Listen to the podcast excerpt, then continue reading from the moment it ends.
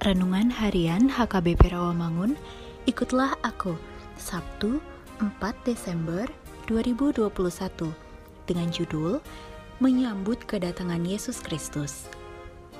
Bacaan kita pada pagi ini tertulis dalam Maleakhi 4 ayat 1 sampai 6 dan bacaan kita pada malam ini tertulis dalam Lukas 9 ayat 1 sampai 6.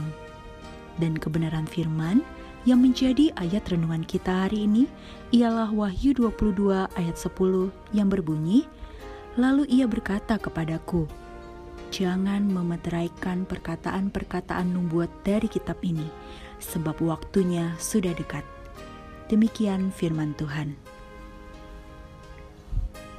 Allah melalui Yohanes menyatakan bahwa berita dan nubuat kitab harus diberitakan kepada semua orang percaya – karena waktunya sudah dekat. Ini menunjukkan bahwa Allah memiliki rencana, dan itu berakhir dengan pemulihan segala sesuatu.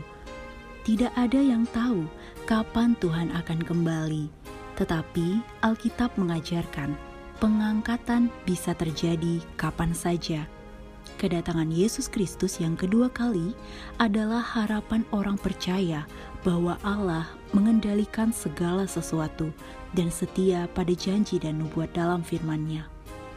Dalam kedatangannya yang pertama, Yesus Kristus datang ke dunia sebagai bayi di palungan di Bethlehem, seperti yang dinubuatkan. Yesus menggenapi banyak nubuat tentang Mesias selama kelahiran, kehidupan, pelayanan, kematian, dan kebangkitannya.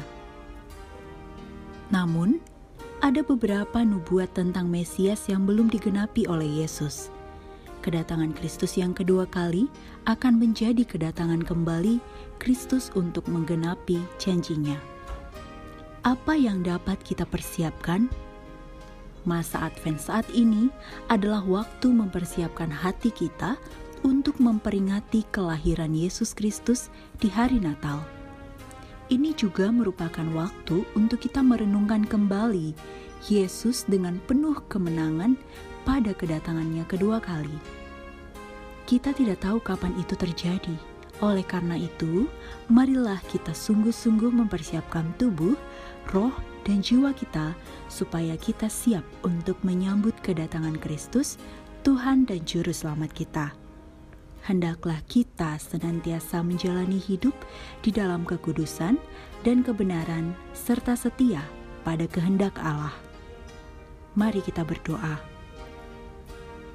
Bapa kami yang di sorga, terima kasih atas penyertaan-Mu dalam hidup kami. Berikanlah kami kekuatan untuk selalu berjalan dalam kehendak-Mu. Amin.